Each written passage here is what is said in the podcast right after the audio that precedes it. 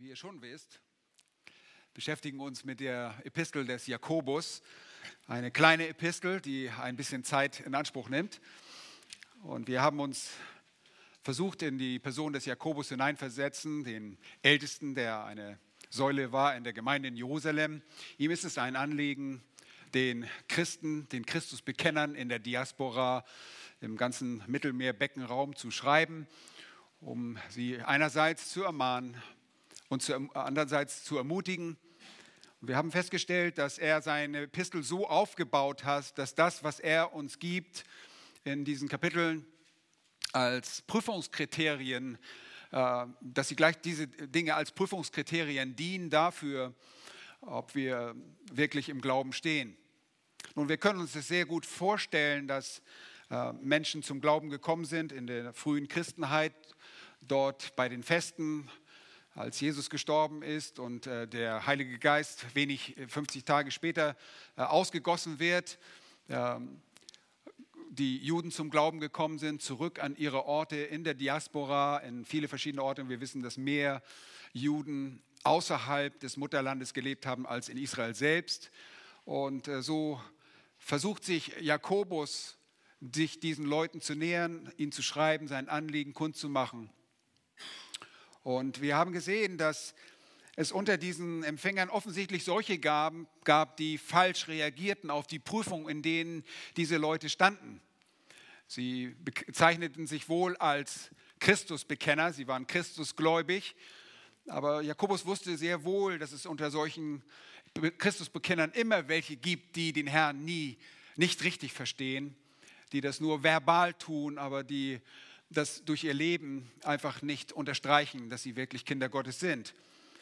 Und so schreibt er ihnen und in diese schweren Zeiten, die die äh, Juden auch in der Zeit besonders erlebten, besonders als Christusbekenner, ähm, ja, sind darauf eingegangen, dass die, die Juden unter sich soziale Netzwerke gründeten in einer äh, Welt der Heiden haben sie sich gegenseitig Arbeit zugeschoben und so war es sicherlich sehr schwierig, wenn innerhalb des Judentums dann Leute zu Christus kamen, zum Glauben kamen. Und die wurden dann noch besonders verfolgt und äh, verachtet. Und so schreibt er ihnen, dass sie auf bestimmte Art und Weise reagieren sollen, wenn sie in bestimmte Prüfungen fallen. Und diese Prüfungen sind zu zahlreich, als dass er sie alle aufführen würde. Aber Ihr könnt euch vorstellen, dass vieles damit zu tun hatte, dass sie ihr Arbeitsplatz verloren hatten und dann kein Geld zur Verfügung hatten. Wir, wir, sehen, dass von Armut und Reichtum die Rede ist in diesem Brief. Und er mahnt sie und sagt, reagiert richtig. Erachtet das als eine Freude, wenn ihr in solche Prüfungen hineinfallt. Und offensichtlich haben das nicht alle sehr als Freude empfunden, sondern haben Gott beschuldigt, haben sich umgedreht, haben gesagt, nein, dieser Gott, der führt mich in Versuchung, der führt mich in die Sünde. Sünde.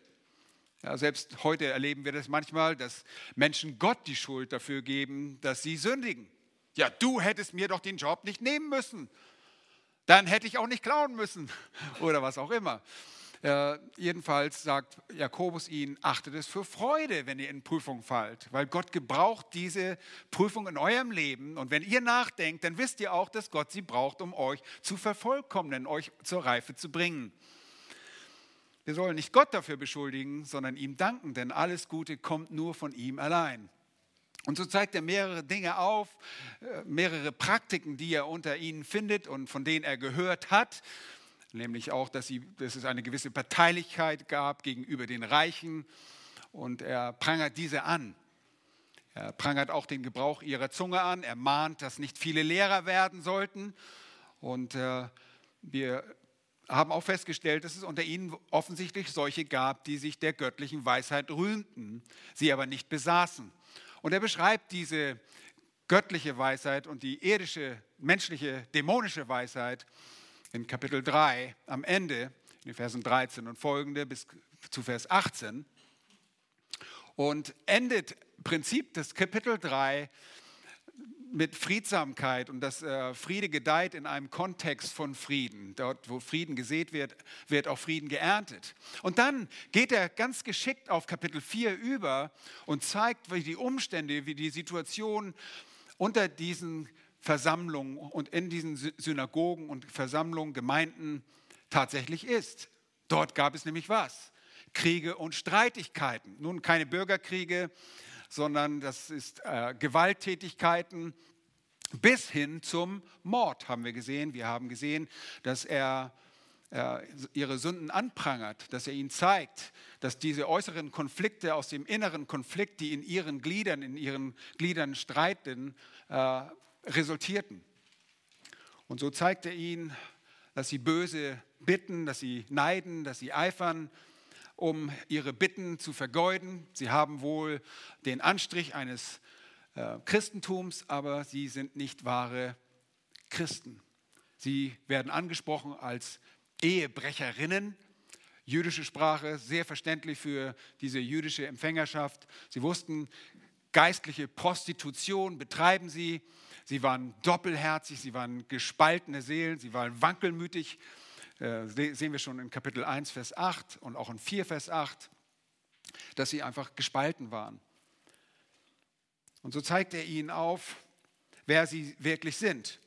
Und wir endeten letztes Mal in Kapitel 4, in diesem so schwierigen Vers, den wir so schwierig als schwierig erachtet haben, wo es heißt, dass der Geist des Menschen, wie die Schrift doch sagt, dass der Geist des Menschen streitet und eifert mit Neid.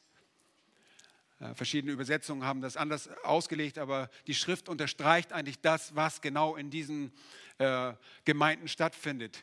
Der Geist dieser Menschen, der menschliche Geist dieser Menschen streitet und eifert mit Neid. Und weil das so ist, erkennen wir, dass es sich hier nicht um errettete Christen handelt, sondern um Christusbekenner, Namenschristen. Und ihr Lieben, wir sind hier in Deutschland sehr wohl mit, Namenschrist, mit dem Namenschristentum bekannt. Alles wird christlich genannt. Wir sind das christliche Abendland. Aber das ist ein Namenschristentum. Christsein bedeutet, sich mit Christus zu identifizieren, mit seinem Werk, mit seinen Worten und zu tun, was er sagt. Und er deckt diese Dinge auf. Und er sagt, mitten in diesem äh, Zustand gibt Gott dennoch größere Gnade.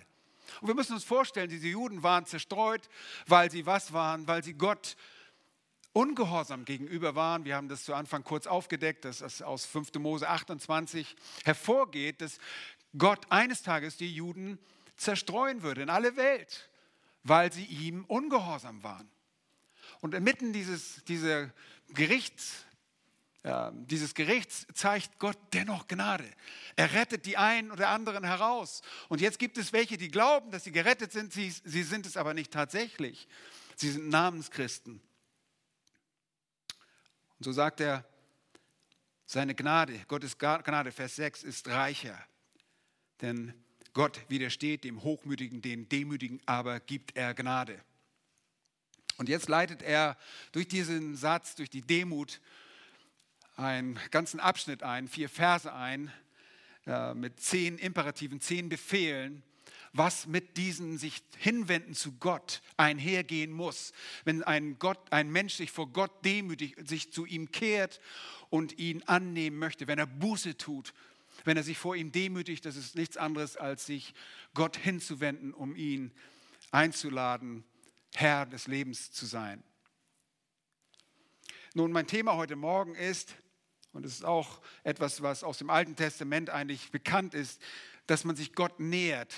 Wie nähert man sich Gott? Wie kommt, tritt man in eine intime, in eine Beziehung, in eine lebendige Beziehung zum lebendigen Gott? Wie konnten sich die Priester damals nähern? Sie mussten sich reinigen, um zu Gott zu kommen.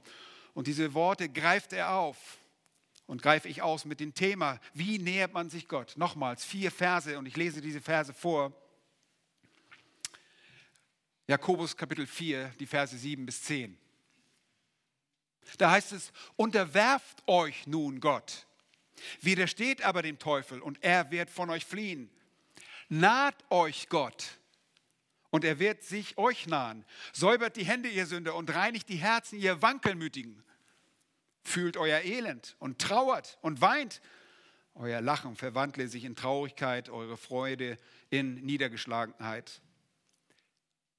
Vers 10 fasst es wieder zusammen. Demütigt euch vor dem Herrn, so wird er euch erhören.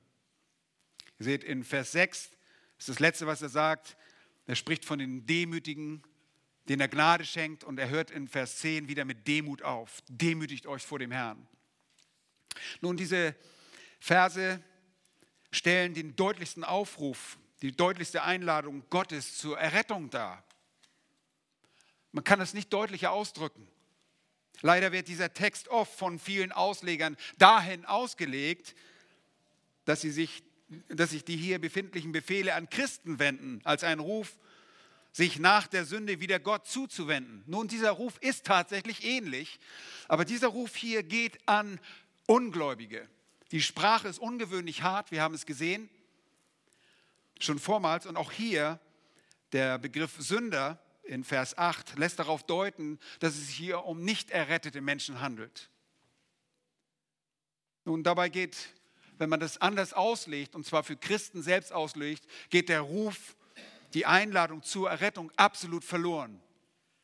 Erinnern wir uns noch einmal kurz daran, das Buch ist gewissermaßen eine Serie von Tests. Nur das steht da nicht. Paulus, äh, Jakobus sagt nicht, so jetzt prüfe ich euch alle. Er macht das auf eine sehr schlaue, subtile Art und Weise, sodass auch der Christ sich immer wieder hinterfragen kann. Er gibt ihm Gelegenheit herauszufinden, ob der Glaube echt ist oder ob der Glaube, den wir bekennen, ein toter Glaube ist, nicht authentisch und ein nicht rettender Glaube ist. Und Jakobus möchte nicht, und das wollen auch wir nicht, dass irgendeinmal, irgendwann ein Mensch aufwacht, vor dem Herrn steht, vor dem Gericht. Es ist dem Menschen bestimmt, einmal zu sterben, danach das Gericht. Und Gott sagt, ich kenne dich nicht. Und du sagst, Moment, aber ich kenne dich. Ich habe doch viele Wunder getan. Ich war doch in der Bibelgemeinde Berlin. Ich war immer dabei. Nun, Jakobus möchte Gewissheit verschaffen. Und er hatte festgestellt, so wie auch Jesus vormals angekündigt hat, dass sich das, der Weizen mit Unkraut vermischt. Und das war der Grund auch, warum es so viel Auseinandersetzung gab, warum es Streitigkeiten und Kriege gab. Sein grundsätzliches Ziel, das grundsätzliche Ziel, das Jakobus verfolgt, finden wir am Ende des Buches in Kapitel 5, die Verse 19 und 20. Da heißt es, meine Brüder, wenn jemand unter euch vor der Wahrheit abehrt und jemand ihn zurückführt, so wisst, dass der, welcher einen Sünder von der Verehrung seines Weges zurückführt, dessen Seele vom Tode erretten und eine Menge von Sünden bedecken wird. Ihr Lieben, jemandes Tode, Seele vom Tode zu erretten, bedeutet ihn zur Errettung in Jesus Christus zu bringen. Es bedeutet ihn vor dem ewigen Tod zu retten. Und in Kapitel 3, Vers 13 Beginn warnt Jakobus vor dieser weltlichen Weisheit der Ungläubigen, die wir gesehen haben, von wo kommt? Von unten. Die Ungläubigen kommen von unten. Eine irdische, sie ist eine sinnliche, eine teuflische, eine dämonische Weisheit. Und es gab Leute, die herumwanderten und sagten, ich besitze Weisheit. Oh, sie besaßen eine Weisheit, aber das war diese irdische, sinnliche und teuflische. Und diese Weisheit produzierte diese bittere Eifersucht, diesen Eigennutz. Und ihr Lieben, sicherlich kennen wir diese Dinge auch in unserem Leben, dass wir eifersüchtig, dass wir eigennützig, dass wir egoistisch sind. Aber hier führt er hinzu, es gibt dort jede Zerrüttung und jede schlechte Tat. Nun, bei uns gibt es sehr viele schlechte Taten, aber bei ihnen gibt es diese in einem ununterbrochenen Muster. Diese dämonische Weisheit bezeugt jemanden, der sie besitzt, dass er ein Feind Gottes ist. Und jetzt an dieser Stelle spricht Jakobus dem Ungläubigen, der seine notvolle Situation erkannt hat, eine Einladung zum rettenden Glauben aus. Und ohne Zweifel erkennen wir, dass dieser Text so wie der ganze Brief auch an, als eine Warnung an uns Gläubige gerichtet ist. Auch wir sollen uns der weltlichen Dinge enthalten, Dinge, die uns immer wieder so leicht umstricken. Der Schwerpunkt dieser Textstelle jedoch ist ein Aufruf an alle, die für sich rettenden Glauben beanspruchen, aber diesen tatsächlich nicht besitzen. Ihr Lieben, ihr glaubt nicht, wie oft wir solchen Menschen begegnen im Laufe unserer Zeit. Menschen, die in Anspruch nehmen, Kinder Gottes zu sein, aber sie sind es nicht. Nun, Gottes Wort und der Verschlüssel zur Verständnis dieser Schriftstelle, dieser vier Verse, ist wirklich in dem Begriff Sünder zu finden. Ein Begriff, Hamateloi, ein, ist ein Begriff, der nicht für äh, Christen gebraucht wird. Wir sündigen, ja, wir sündigen wohl, aber ein Sünder ist jemand, der charakterisiert ist von einem ungebrochenen Muster von Sünde, in dem er sich nicht reinigt. Weil er kann sich nicht reinigen, weil er keine Beziehung zu Gott hat. Gottes Wort ist sehr klar, was die Erinnerung von Menschen anbetrifft, äh, Errettung von Menschen anbetrifft.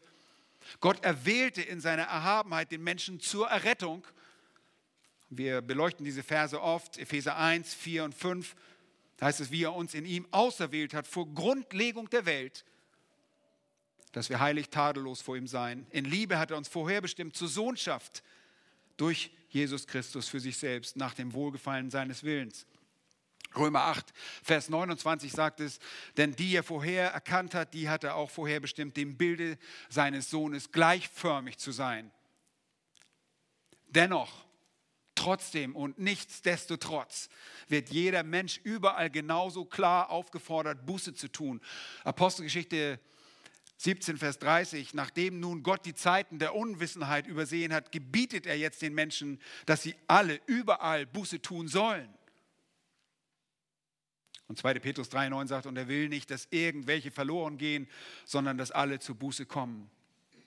In 1. Timotheus 2,4 lesen wir von seiner Gnade, dass er will, dass alle Menschen errettet werden und zur Kenntnis der Wahrheit kommen, von, jeden, von jeder Art von Menschen zum Glauben kommen.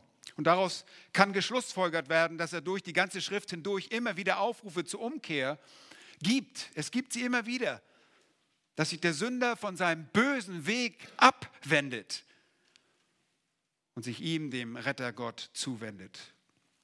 Ihr Lieben, diese Art von Aufruf sehen wir durch die ganze Bibel hindurch. 5. Mose 30 ist ein guter, gutes Beispiel dafür. Da geht, ergeht so ein solcher Ruf in den Versen 19 und 20. Da heißt es, ich rufe euch heute den Himmel und die Erde als Zeugen gegen euch auf. Das Leben und den Tod habe ich dir vorgelegt, den Segen und den Fluch. So wähle das Leben, damit du lebst, du und deine Nachkommen, indem du Jahwe, deinen Gott, liebst und seiner Stimme gehorchst und ihm anhängst. Denn das ist dein Leben und die Dauer deiner Tage, dass du in deinem Land wohnst, das Jahwe deinen Vätern Abraham, Isaac und Jakob geschworen hat, ihn zu geben. Durch Jesaja, da ging das Wort in Jesaja 55, die Verse 6 und 7. Sucht Jahwe, während er sich finden lässt. Ruft ihn an, während er nahe ist. Der Gottlose verlasse seinen Weg und der Mann der Bosheit seine Gedanken und er kehre um zu Jahwe, so wird er sich über ihn erbarmen und zu unserem Gott, denn er ist reich an Vergebung. Unser Herr Jesus Christus fordert auf in Matthäus 11, die Verse 28 und 29, kommt her zu mir, alle ihr mühseligen und beladenen und ich werde euch Ruhe geben. Nehmt auf euch mein Joch und lernt von mir. Denn ich bin sanftmütig von Herzen demütig und ihr werdet Ruhe finden für eure Seelen. Ebenso in Matthäus 16, die Verse 24 und 25 lesen wir Jesu Worte. Dort sagt er, wenn jemand mir nachkommen will, der verleugne sich selbst und nehme sein Kreuz auf und folge mir nach. Denn wenn jemand sein Leben erretten will, der wird es verlieren. Wenn aber jemand sein Leben verliert um meinetwillen, wird er es finden. Jesus befahl den Aposteln auch in Markus 16, Vers 15, geht hin in die ganze Welt, predigt das Evangelium. Und zwar der ganzen Schöpfung. Und, und dann sagt er in Lukas 24, 47, und das in dem Namen Buße zur Vergebung der Sünden gepredigt werden soll, allen Nationen. Und ihr Lieben, das taten die Apostel. Wir lesen von Paulus und Silas in der Begegnung mit dem Kerkermeister von Philippi in Apostelgeschichte 16, Vers 31. Dort sagen sie, glaube an den Herrn Jesus und du wirst errettet werden, du und dein Haus. Paulus schreibt deutlich an die Römer, Kapitel 10, 9 und 10, dass wenn du mit deinem Mund Jesus als Herrn bekennen und in deinem Herzen glauben wirst, dass Gott ihn aus den Toten auferweckt hat, du errettet werden wirst. Denn mit dem Herzen wird geglaubt zur Gerechtigkeit und mit dem Mund wird bekannt zum Heil. Und am Ende der Schrift in der Offenbarung Kapitel 22 und Vers 17 ergeht noch ein letzter Aufruf den Ungläubigen gegenüber. Da heißt es, und der Geist und die Braut sprachen oder sagen, komm. Und wer es hört, spreche, komm. Und wen dürstet, der komme. Wer da will, nehme das Wasser des Lebens umsonst. Nun, überall ein Aufruf zur Umkehr. Jetzt kommen wir zu dem Text und wir sehen die größere Gnade, die Jakobus in Vers 6 in Kapitel 4 anspricht, die wir uns beim letzten Mal auch kurz angesehen haben, ist die rechtfertigende, ist die heiligende, ist die verherrlichende Gnade der Errettung. Es ist die göttliche, es ist die souveräne und die liebende, die unverdiente Gunst, die Gott dem Sünder freigebig und unverdientermaßen zukommen lässt, wenn er was tut, wenn er sich im Vertrauen und mit dem Herzen an Gott wendet und seinen Sohn Jesus Christus als Herrn und Retter annimmt. Und diese Gnade, ihr Lieben, diese Gnade ist größer als das Begehren, ist größer als der böse Eifer der Menschen. Wir kennen diesen bösen Eifer, weil wir selbst einst ungläubig waren. Und wenn ihr ungläubig seid, kennt ihr diesen bösen Eifer in eurem Herzen. Diese Gnade ist größer. Diese Gnade ist größer als die Macht der Sünde. Diese Gnade allein kann den inneren Konflikt und die Feindschaft, die zwischen Mensch und Gott besteht, besiegen. Nun, die vier folgenden Verse, die wir heute Morgen betrachten, werden uns wichtige Elemente wieder äh, zeigen, wie der Sünder auf den Bußruf Gottes reagieren soll. Wie er reagieren muss. Wir kommen nicht daran vorbei. Und zwar muss er so reagieren, damit er gerettet ist. Die von Jakobus aufgeführte Liste ist keine, keine Formel, keine Rettungsformel als solche, die vom Sünder genau in dieser Reihenfolge eingehalten werden muss, sondern sie, diese Verse enthalten vielmehr die wichtigsten Aspekte der Forderung Gottes für die Errettung. Wir fragen uns heute Morgen mit Jakobus, wie nähert man sich Gott? Wie kehrt man sich zu Gott? Wie kommt man in diese Beziehung zu Gott? Und wenn du erkannt hast, dass dein Glaube durch dämonische Weisheit, durch bittere Eifersucht und Eigennutz gekennzeichnet ist, dann achte genau darauf, was es für dich zu tun gibt mit deiner Hinwendung zu Gott. Wie nähert man sich Gott? Erstens in Unordnung, Unterordnung Gott gegenüber, nicht Unordnung, in Unterordnung Gott gegenüber. Vers 7, die erste Hälfte. Unterwerft euch nun Gott. Unterwerft euch. Und dieser Begriff Hypotasso, der griechische, ist in erster Linie ein militärischer Begriff und bedeutet sich unterstellen, zu unterwerfen, einer bestimmten militärischen Ordnung zu unterstellen.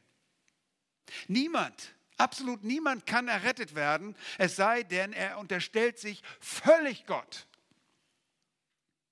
Diese Unterwerfung ist nicht eine Teilunterwerfung. Jemand, der sich über das von Gott Gesagte hinwegsetzt und nicht bereit ist, seine Knie vor ihm zu beugen, kann nicht errettet sein. Man kann Gott nicht für eine Fahrkarte in den Himmel austricksen.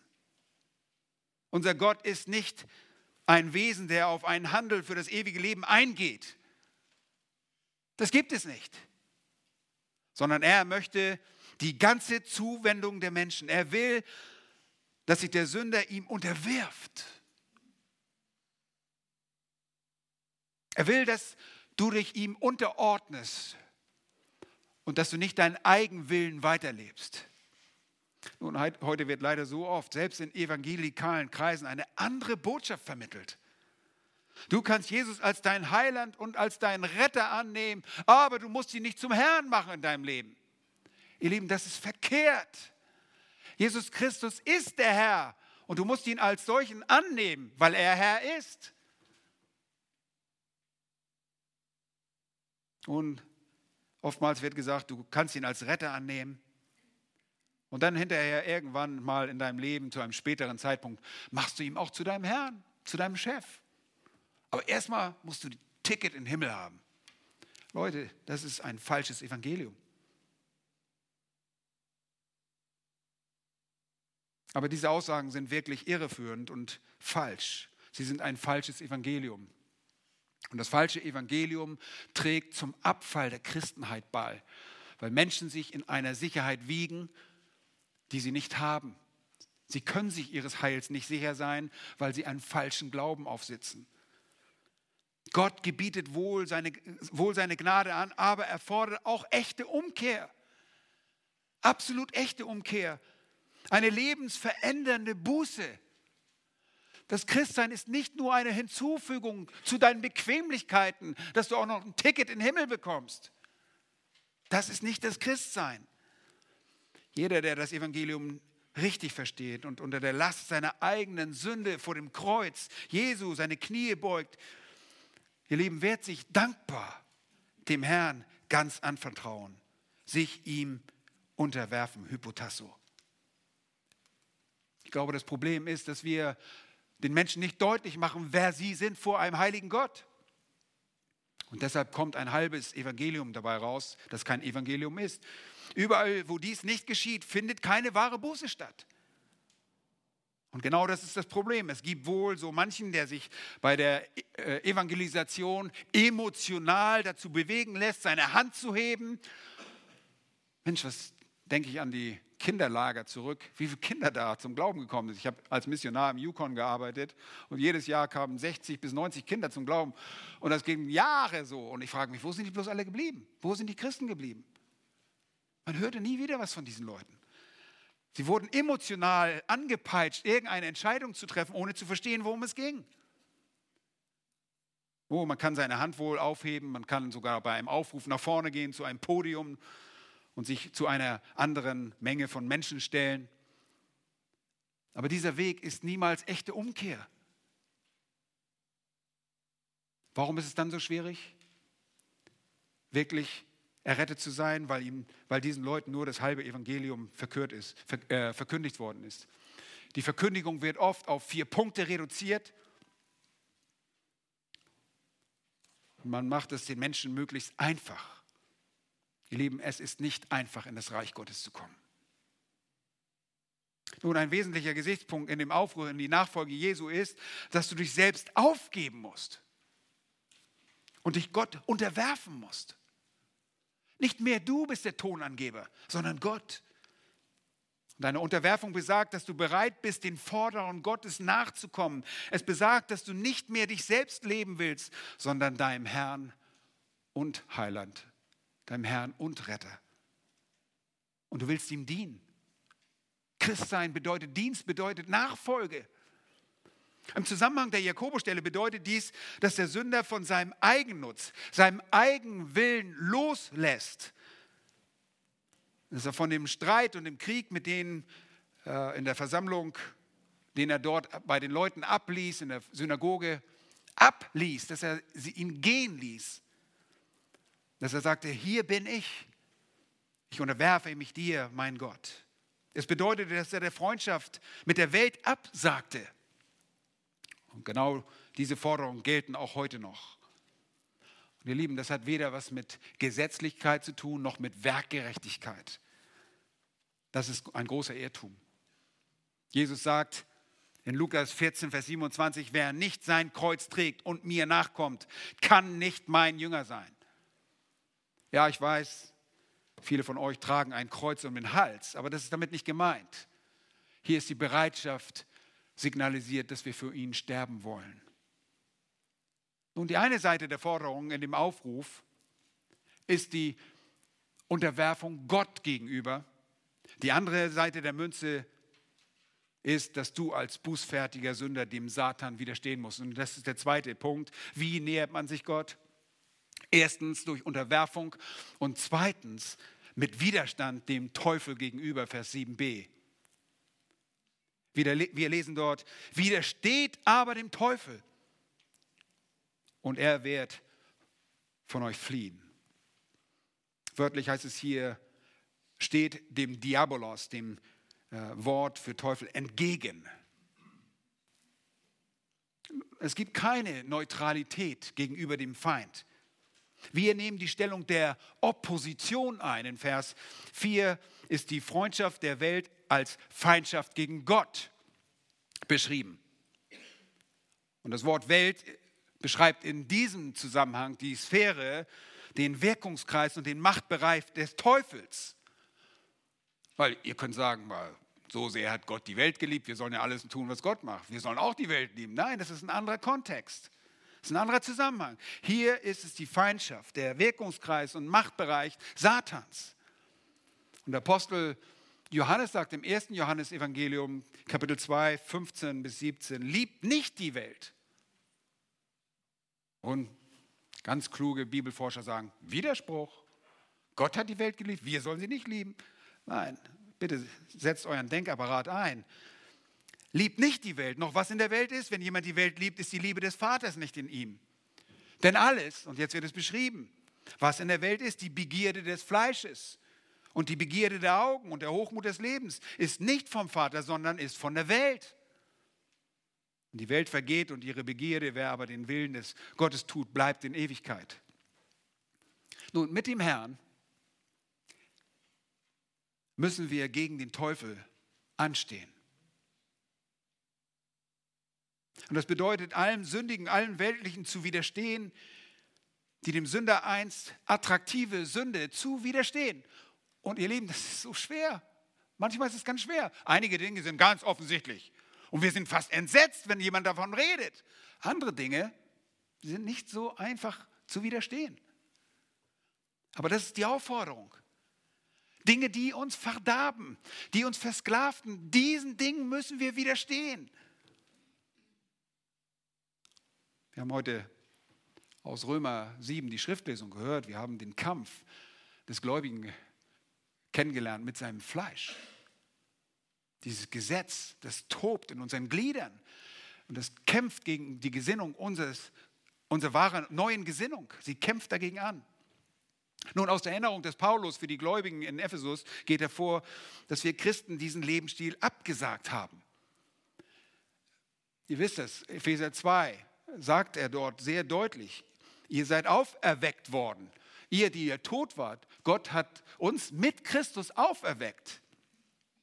Und wir waren tot in unseren Vergehungen und in unseren Sünden. Das waren wir einst. Und das, das, das Todsein bedeutet nicht, dass wir nichts getan haben. Das wäre ja schön gewesen, wenn wir gar nichts getan hätten. Aber wir haben uns gemäß dem Zeitlauf, dem Weltlauf, äh, dem, dem Weltlauf dieser Zeit, so wollte ich das sagen, angepasst. Und wir haben genau das getan, was der Rest der Welt auch getan hat. Und zwar das, was gemäß dem Fürsten der Macht der Luft, des Geistes, der jetzt in den Söhnen des Ungehorsams wirkt, gemäß dem haben auch wir gelebt, sagt er. Unter denen hatten wir einst alle unseren Wandel. Und zwar in den Begierden unseres Fleisches. Und dem müssen wir jetzt widerstehen indem wir den Willen des Fleisches und der Gedanken taten und von Natur Kinder des Zorns waren, wie auch die anderen. Der Teufel, der Diabolos, das ist eine, eines der häufigsten Titel für Satan und bedeutet Ankläger. Er ist der Ankläger. Er möchte die Kinder Gottes anklagen und ist ständig dabei. Und er findet auch Dinge, die er meint, uns in Verruf bringen könnten oder uns verderben könnten. Aber wir haben, weil wir einen Ankläger haben, auch einen Fürsprecher, einen Advokaten, einen, der uns vertritt. 1. Johannes 2 spricht sehr deutlich davon, wenn Johannes schreibt, solches habe ich euch geschrieben, damit ihr nicht sündigt. Wenn ihr aber sündigt, so haben wir einen Fürsprecher bei Gott. Und Jesus Christus ist ständig für uns beschäftigt. Er ist ständig für uns beim Vater und tritt, vertritt uns, so wie der Geist Gottes auch. Der Geist Gottes tut dies mit unaussprechlichen Seufzern in dieser intertrinitaren Kommunikation. Aber der Ankläger kommt, will die Brüder verklagen und er kann uns nicht mehr verklagen, denn Jesus Christus hat die Sünde für uns bezahlt, den Zorn auf sich genommen. Nun, jeder, der nicht dem Herrn angehört, der gehört wohin? Zum Teufel. Und damit ist jeder, der die Sünde tut, gemeint. Jeder, der ein fortlaufendes, ununterbrochenes Muster der Sünde lebt, das ist ein Leben ohne geistliche Reinigung. 1. Johannes 3,8 lesen wir. Wer die Sünde tut, ist aus dem Teufel, denn der Teufel sündigt von Anfang an. Und das ist ein, das Verb hier ist ein Partizip in Präsens und zeigt an, dass es sich um ein fortwährendes Sündigen handelt. Immer zu. Da kommt nicht auf die Idee, oh Mann, jetzt habe ich was verkehrt gemacht, ich sollte mich mal wieder reinigen. Das gibt es nicht. Und es tut ihm auch nicht leid. Dem Sünder tut seine Sünde nur leid, weil es Konsequenzen für ihn hat. Manchmal, dass er Dummheiten gemacht hat. Zu schnell gefahren, Mist, kriege ein Ticket. Aber es ist nicht wahre Erkenntnis und Buße, die aufgrund von Übertretung Gott gegenüber deutlich wird. Nun, das Kind Gottes hingegen, das ist jeder, der diese Hoffnung auf ihn hat, äh, sagt er in 1. Johannes 3,3, reinigt sich selbst, wie er rein ist. Und wir müssen uns ständig reinigen. Ja, wir müssen ständig uns die Füße waschen lassen, so wie Jesus das deutlich macht in der Fußwaschung. Wir besudeln uns immer wieder mit Sünde. Aber der Ungläubige, der hat kein Interesse daran. Nun, sich Gott zu unterwerfen und dem Teufel mit Gott, das ist mit seinem Wort zu widerstehen, bringt rettenden Erfolg. Satan wird fliehen. Der Widerstand, den Jesus bei seiner Versuchung geleistet hat, können auch wir als bußfertige Sünder leisten. Wir sind durch diese Texte durchgegangen. Was macht Jesus in, seinem, in seiner Begegnung mit Satan? Er antwortet mit der Heiligen Schrift, mit dem Wort Gottes. Das können wir als Sünder, wenn wir zu ihm kommen, ihn unterwerfen und dem Teufel widerstehen, nur tun mit dem Wort Gottes. Sonst haben wir keine Kraft, keine Macht. Ihr Lieben, es gibt so viele Quacksalber, die meinen, sie könnten durch irgendeine geistliche Methode den Teufel binden, die, die Dämonen austreiben und Teufel irgendwie herumkommandieren und dem Teufel irgendwelche Befehle erteilen. Leute, ihr irrt euch sehr. Ich möchte euch warnen davor. Besonders möchte ich euch warnen, wenn ihr nicht nackt oder verwundet nach Hause gehen wollt. Ja, ihr habt ganz recht gehört. Wenn ihr nicht nackt als Nackedeis wieder nach Hause gehen wollt, dann legt euch nicht mit den Dämonen an, mit den bösen Geistern. Wir lesen in Apostelgeschichte 19. Ihr erinnert euch an diese wunderschöne Geschichte, ist fast zum Schmunzeln. Aber es ist trotzdem sehr gefährlich. Apostelgeschichte 19, 14 bis 16, eine Geschichte, bei dem die sieben Söhne eines jüdischen Hohenpriesters einen bösen Geist beschwören. Und was geschah? Lesen wir mal. Nun, es waren aber sieben Söhne eines jüdischen Hohenpriesters Gevas, die taten das. Die waren, wollen beschwören. Die wollten wahrscheinlich auch irgendjemand austreiben. Der böse Geist aber antwortete und sprach zu ihnen, Jesus kenne ich und von Paulus weiß ich. Aber ihr, wer seid ihr? Und der Mensch, in dem der böse Geist war, sprang auf sie los und bezwang sie miteinander und überwältigte sie, so dass sie nackt und verwundet aus jenem Haus entflohen. Okay? Legt euch nicht mit dem Teufel an. Das ist nicht euer Business. Das ist nicht euer Geschäft. Wir widerstehen dem Teufel wie? Mit Gottes Worten. Und es ist so schön, wenn Paulus von der Waffenrüstung Gottes spricht, da gibt es den Schild des Glaubens. Und was glauben wir da? Ha, wir glauben, Satan, wir sind stärker als du. Nein, das glauben wir nicht. Wir glauben dem Wort Gottes. Und Satan schießt feurige Pfeile auf euch ab, wie die Römer einst es immer taten. Und wir heben den Schild des Glaubens und sagen, die Wahrheit ist, wir glauben dem Wort Gottes. Satan, deine Lügen können in mir keinen Raum finden, wenn ich die Wahrheit hochhalte. Und so halten wir das Wort Gottes, so müssen wir das Wort Gottes kennen und mit dem Wort Gottes uns vor Satan verteidigen, ihm widerstehen. Nun, Buße ist die Antwort auf Befreiung und Errettung von dämonischen Kräften, nicht irgendein heraustreiben wollen. Das einzige Mal, wenn Satan gebunden wird, sein wird, ist während des Millenniums. Da wird er tausend Jahre gebunden. Alles andere könnt ihr knicken. Wenn ein Sünder Buße tut und dem Wort Gottes glaubt, dann reißt Satan aus. Aber Achtung, er bleibt nicht weg, der kommt wieder. Der lauert an der Tür. Er geht umher wie ein brüllender Löwe und sucht, wen er verschlingen kann. Glaubt nicht, ja, ist oft so naiv. Leute sagen, ja, ich habe Satan gebunden, ich habe ihn in dieser Stadt gebunden, ich habe alle Dämonen gebunden. Ich sage, oh, herzlichen Glückwunsch. Was für ein Irrtum bist du jetzt aufgesessen? Das ist ein großer Irrtum. Du folgst einer Lüge. Satan ist immer da und wir müssen ihm stets widerstehen. Nun, wir haben, ich kann das nicht ausführen, ähm, wir müssen weitergehen. Vers 8 hat noch mehr zu geben. Wir haben erstens gesehen, dass die Annäherung zu Gott durch die Unterwerfung geschieht. Zweitens Widerstand durch, mit Widerstand gegen den Teufel. Und drittens stellen wir nochmals die Frage, wie kann man sich Gott nähern? Was gehört noch dazu? Drittens durch die Gemeinschaft mit Gott. Naht euch Gott, heißt es dort, und er wird sich euch nahen.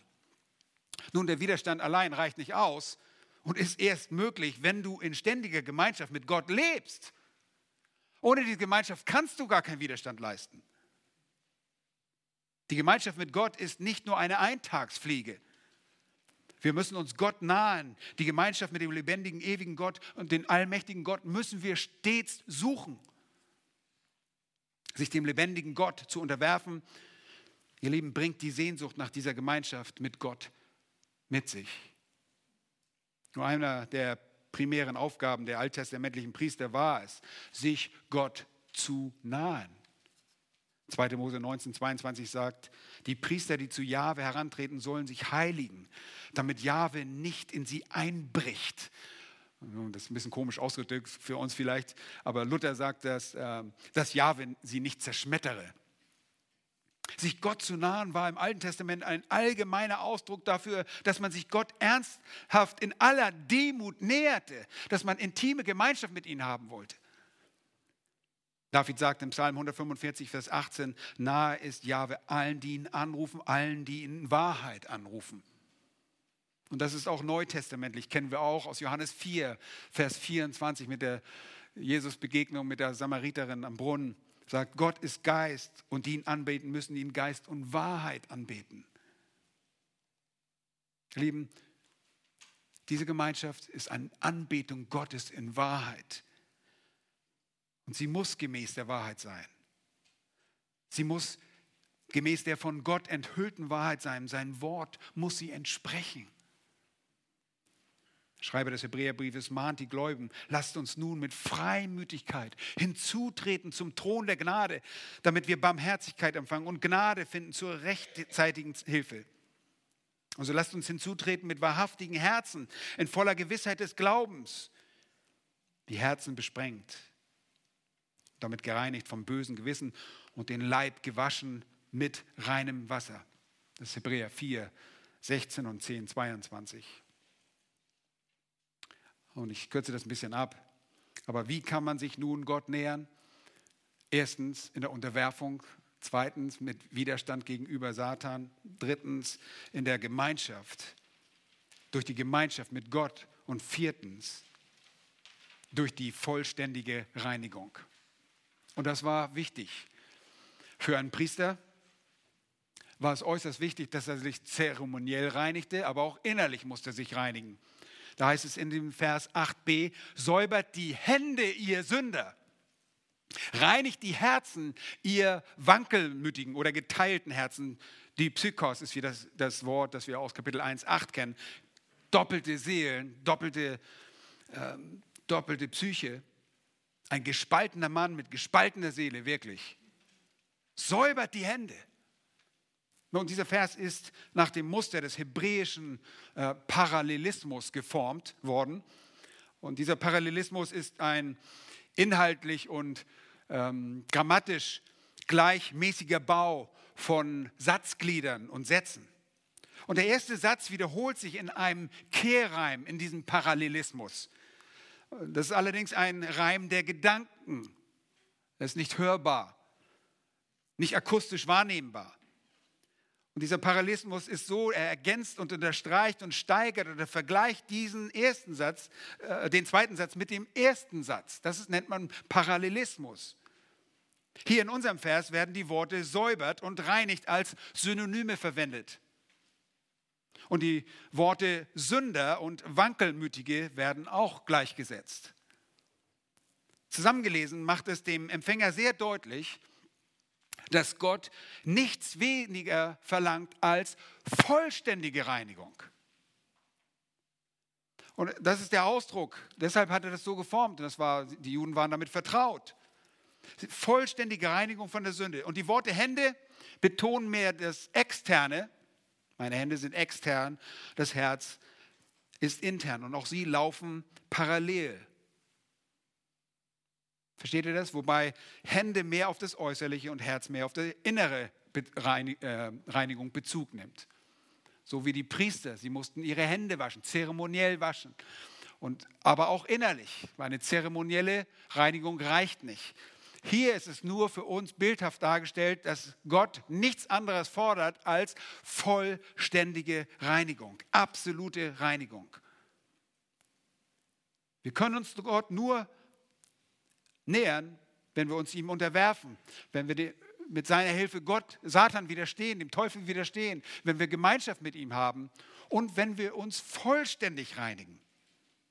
Nun, wie schon erwähnt, ist das Wort Sünder hier entscheidend für die Interpretation, dass es sich hier um eine Aufforderung handelt, die an Ungläubige gerichtet ist. Und auch das Wort Wankelmütige spricht nicht von einem gelegentlichen. Ja, wir sind auch manchmal so ein bisschen, oh, na, soll ich das tun, soll ich nicht. Hier spricht es von einem fortlaufenden Wankeln hin und her, wie die Meereswoge, die ihr gesehen habt in Kapitel 1, die immer wieder ihren Dreck rausschäumt sozusagen, ja, die immer hin und her geworfen ist, immer gleiche Bewegung. Das ist ein Dauerzustand, diese Wankelmütigkeit, dieses Gespaltensein. Und deshalb muss man sich komplett reinigen. Diese Wankelmütigkeit spiegelt nämlich genau das Wesen eines Namenschristen wider. Sein Interesse und seine Ausrichtung ist geteilt. Sie sind geteilt. Auf der einen Seite hält er sich im Kreise der Gläubigen auf, nimmt vielleicht sogar an Veranstaltungen teil, aber auf der anderen Seite hat er sich dazu entschlossen, ein Freund der Welt zu sein. Und er sagt, das geht nicht, das ist unmöglich. Jesus sagt einmal in, in der Bergpredigt im Kapitel 6, Vers 24, Niemand kann zwei Herren dienen. Denn entweder wird er den einen hassen und den anderen lieben, oder er wird den einen anhängen oder den anderen verachten. Und in der Schlachterbibel heißt es im Kapitel 1, Vers 8 im Jakobus, ein Mann mit geteilten Herzen ist unbeständig in all seinen Wegen. Glaubt ihr, das ist die Beschreibung eines Christen? Unbeständig in all seinen Wegen? Das ist nicht die Beschreibung eines Christen. Das ist die Beschreibung eines Nichtchristen. Diese Unbeständigkeit charakterisiert einen Nichtchristen. Und weil der Mensch geteilt ist und somit ein Feind Gottes, soll er sich von der Sünde und jeglicher Befleckung reinigen. Nicht nur von der Sünde, die nach außen sichtbar wird, sondern auch von der geheimen, internen, nicht sichtbar werdenden, werdenden Sünde. Und das geht aus dem säubert die Hände und dem reinigt die Herzen in unserem Text einfach hervor. Fünftens, wie nähert man sich Gott? Vers 9, durch die aufrichtige Reue. Der Text sagt, fühlt euer Elend, trauert und weint, euer Lachen verwandelt sich in Traurigkeit, eure Freude in Niedergeschlagenheit. Ist das ein Aufruf zum Trübsalblasen fürs Leben? Nein. Hier sind drei Verben in Serie beschrieben. Das nächste, die nächste Forderung einer ernsthaften Reue, eines In sich Gehens. Fühlt euer Elend. Nur wer um seinen notdürftigen Zustand weiß, kann auch wahre Reue zeigen. Und es äußert sich durch deine Trauer, die sich auch durch externes Weinen, wie hier angesprochen wird, zeigt.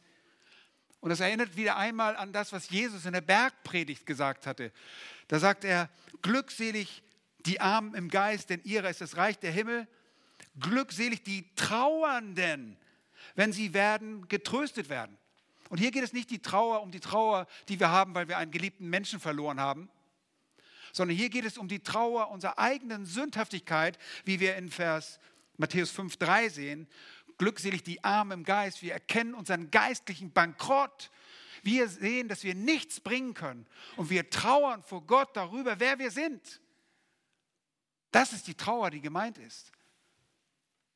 Wir werden getröstet, wenn wir wahre Reue aufgrund dieser Reue, wenn wir wahre Reue zeigen, aufgrund unserer Erkenntnis, dass wir nichts bringen können, dass wir geistlich bankrott sind.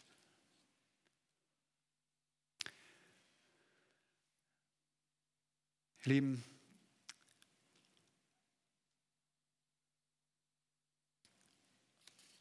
wenn Jakobus in die Gemeinden schaut, dann stellt er dort fest, Gewalttätigkeit, Neiden, Begehren, Gier, voll ausgelebt, bis hin zum Mord. Wir glauben, dass nicht immer ein Mord stattgefunden wird, aber die Haltung dieses Mordes, der Hass dort regierte. Es gab eine gewisse Leichtfertigkeit im Leben. Der Umgang mit dem Leben war ein bisschen ein Spiel. Es war sicherlich Gelächter, aber es war ein Gelächter, das nicht angemessen war. Und das Gelächter soll vergehen, wenn wir zu der Erkenntnis der Wahrheit kommen, dass wir sehr, sehr notdürftige Menschen sind. Jeder einzelne von uns ist angewiesen auf die Güte und Gnade unseres Gottes. Und wir können uns unserem Gott nicht nahen, wenn wir nur etwas einfordern wollen. Ich will auch in den Himmel. Ich möchte der Hölle auch entkommen. Das reicht nicht aus. Gott will dein ganzes Leben. Er möchte, dich, dass du, er möchte, dass du dich ganz, ihm ganz unterwerfst. Denn was sagt er in einem Vers vorher? Den, wen gibt er die Gnade? Den Demütigen. Und damit endet er jetzt auch in Vers 10. Das ist sechstens, wie nähert man sich Gott? Wie naht man sich Gott? Durch die Demütigung. Und hier schließt er den Kreis. Und das fasst im Prinzip alles wieder zusammen. Er widersteht dem Hochmütigen. Derjenige, der sagt, ich hab's, ich weiß schon, alles klar, ich habe das schon begriffen, aber es sind keine Werke da. Ihr Kapitel 2, 14? Der Glaube ohne Werke ist tot. Oh, ich habe schon lange verstanden. Oh, ich habe schon gesehen, wer ich bin. Aber es folgen keine Handlungen, es folgen keine Taten. Das ist kein wahrer Glaube. Ein Glaube, der nicht das, die, die Reden deines Mundes verändern, ist kein wahrer Glaube. Du wirst verändert, hundertprozentig. Oh ja, Frucht wächst manchmal langsam, aber es ist immer Frucht vorhanden. Es ist immer eine Veränderung in deinem Leben. Und dazu gehört, dass du dich demütigst. Und das heißt, dass du dich freiwillig dort einordnest, wo du hingehörst. Dass du dich erniedrigst vor Gott und sagst, ich bin nichts, du bist alles. Und da gehen uns verschiedene Bilder durch den Kopf, wenn wir daran denken. Wir waren tot. Wir sind tote Leiber.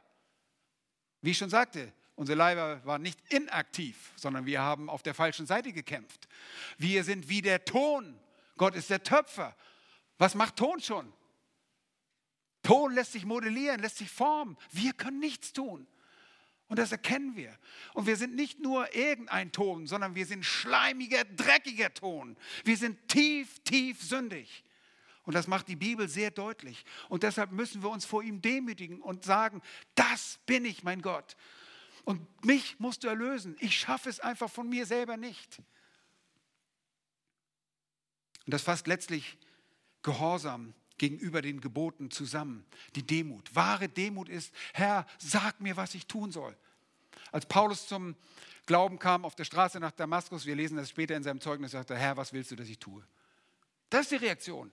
Wie kann jemand sagen, ich bin gerade zum Glauben gekommen und sagt, nee, also das aus der Bibel, das will ich nicht und das will ich auch nicht. Also äh, damit habe ich jetzt nicht, ich will dich als Retter haben, aber nicht als Kommandant.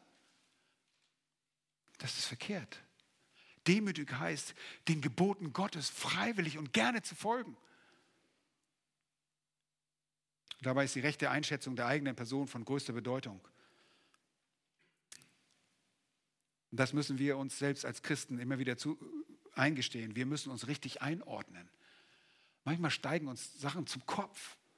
Paulus sagt den Römern, ich sage dir durch die Gnade, die mir gegeben wurde, jedem, der unter euch ist, nicht höher von sich zu denken, als sich zu denken gebührt, sondern darauf bedacht zu sein, dass er besonnen sei, wie Gott einem jedem das Maß des Glaubens zuteilt. Das sagt er zu uns Christen. Aber ein Nichtchrist muss erkennen, ich bin nichts vor Gott. Ich brauche auch kein Selbstwertgefühl. Es ist sogar besser, wenn du keins hast, weil dann denkst du realistischer von dir selbst. Du brauchst kein Selbstwertgefühl. Du brauchst nur das Gefühl, dass du ein Sünder bist. Und dann kommst du zu Gott und legst ihm das auf den Tisch und sagst du, Herr, hier bin ich. Ich unterwerfe mich dir. Ich will dem Feind widerstehen mit deiner Hilfe. Dein Wort ist meine Stütze dabei, ist meine Kraft. Ich will in Gemeinschaft mit dir sein. Ich kann nicht ohne die Gemeinschaft. Wir lieben, und das fordert eine anfängliche, absolut vollständige Reinigung. Und diese anfängliche äh, Reinigung setzt sich fort, indem wir als Christen uns immer wieder reinigen. Denn ich habe Nachricht für euch. So wie ihr Kinder Gottes seid, seid ihr nicht irgendwo abgehoben im Himmel, sondern ihr lebt immer noch hier auf der Erde. Und wir haben es in Römer 7 gehört. Wir fallen in, Sündige, in Sünde und wir müssen uns immer wieder reinigen. Und uns tut es leid. So wie es dem Sünder, der zur Erkenntnis der Wahrheit kommt, wer er ist, absolut leid tun muss, Reue zeigen muss, innere sowie äußere. Nun, Tränen sind nicht immer ein Indiz dafür, dass wahre Buße stattgefunden hat. Ich sage es, manchmal weint man auch über die Konsequenzen seiner törichten Handlung. Aber dennoch, dieses innerliche, echte Reue muss vorhanden sein, wenn du ein Kind Gottes geworden bist. Du hast erkannt, wer du bist und du lieferst dich ihm aus. Wollt ihr euch Gott nähern? Dann tut das auf diese Art und Weise. Amen. Amen. Lass uns doch beten. Herr, wir danken dir von ganzem Herzen, dass du uns dein Wort gibst und dass dein Wort unmissverständlich ist. Herr, die Unklarheit deines Wortes ergibt sich aus unserer Oberflächlichkeit, unserem Desinteresse, unser Liebäugeln mit der Welt. Herr, dein Wort ist so deutlich. Es gibt da nichts dran zu makeln. Es gibt nichts zu meckern, weil du bist der beste Kommunikator, den es überhaupt gibt. Dein Wort hätte nicht deutlicher sein können, es hätte nicht weniger und mehr sein können müssen. Dein Wort ist genügsam für uns und auch für jeden Sünder. Herr, deine Gnade ist so viel größer als alles Eifern und Neiden des menschlichen Geistes. Du bist so viel größer. Deine Macht über die Sünde ist so viel größer. Und das ermutigt uns heute denn dein Wort geht noch aus und ruft Menschen zur Umkehr auf. Herr, du forderst Menschen auf, sich zu beugen und Buße zu tun. Nicht als eine Option, sondern du befiehlst sogar an jedem Ort Buße zu tun. Weil es grausam ist, in die Hände des lebendigen Gottes zu fallen, ohne dich zu kennen. Wir glauben, dass es wahr ist, dass nach dem Tod das Gericht kommt. Herr, brenn du uns das ein, damit wir bessere Evangelisten sind, damit wir Menschen von dir erzählen, dass du so gnädig bist. Herr, und so bitten wir um deine Gnade. Erbarme dich all derer, die dein Wort hören, dass sie es als das verstehen, als das, was du es beabsichtigt hast, als ein scharfes Schwert, das bringt und verletzt, aber auch wieder heilt. Du legst alles offen dar. Herr, schenke du Buße. Und hilf auch uns als deine Kinder, dass wir uns reinigen, dass wir nicht selbstgerecht durchs Leben gehen, sondern uns stets vor dir demütigen. Gelobt und gepriesen sei dein Name. Amen.